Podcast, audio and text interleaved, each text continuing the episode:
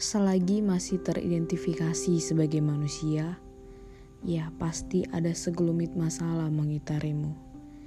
Tidak berputar pada satu masalah, tapi puluhan bahkan ratusan, atau bahkan ribuan.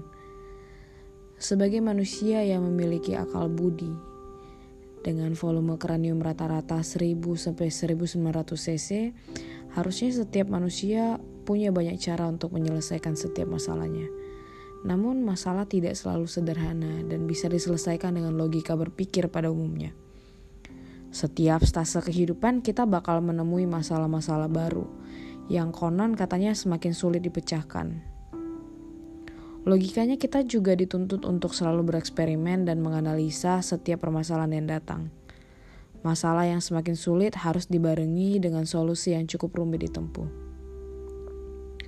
Sekedar berbagi cerita, tiga tahun terakhir aku giat mendalami meditasi untuk menenangkan diri apabila sedang kacau.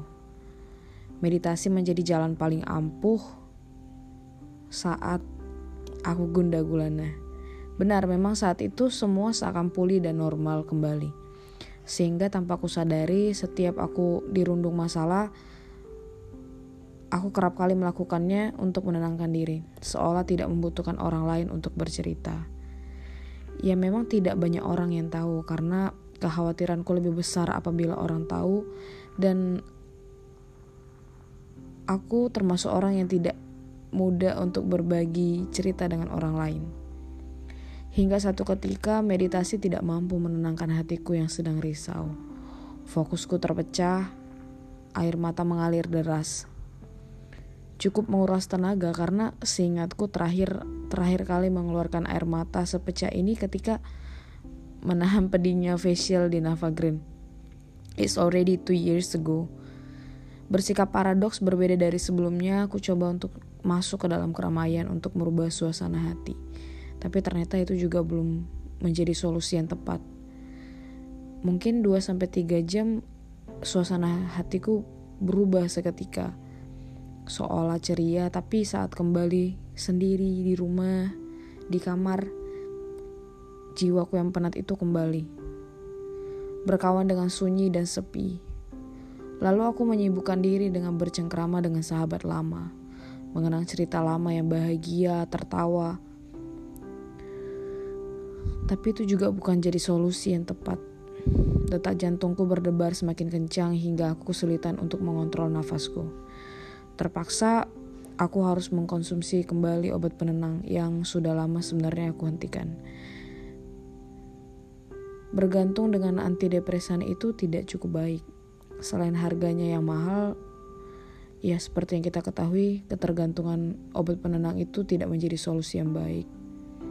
Hanya sementara. Saat efeknya hilang, ya aku akan mencari obat penenang itu lagi dan lagi dan lagi sehingga sampai aku uh, stres sendiri sih. Secara bertahap aku harus mengurangi dosisnya. Belakangan aku sering merekam motivasi yang notabene-nya adalah kebalikan dari peristiwa yang terjadi di hidupku. Jadi aku merekam suaraku terus aku dengarkan kembali. Mendengarkan suara sendiri terdengar cukup konyol sih, tapi bagiku cukup menenangkan diriku jadi sebagai pengingat untukku kembali. Lalu apakah cara itu adalah cara terampuh untuk setiap masalahku saat ini? Ya harus kuakui untuk saat ini ya itu adalah cara yang terbaik karena cukup menenangkan diriku. Dan mungkin teman-teman boleh mencobanya, tapi lagi-lagi tidak ada yang kekal dan kita harus dituntut untuk selalu memutar otak memutar logika berpikir kita untuk menggali, menyelesaikan masa setiap masalah kita. Karena dunia ini berputar sesukanya, siaplah untuk menduduki roller coaster kehidupan yang ekstrim. Setiap orang punya cerita yang berbeda, lalu bagaimana semestinya hatimu akan menuntun.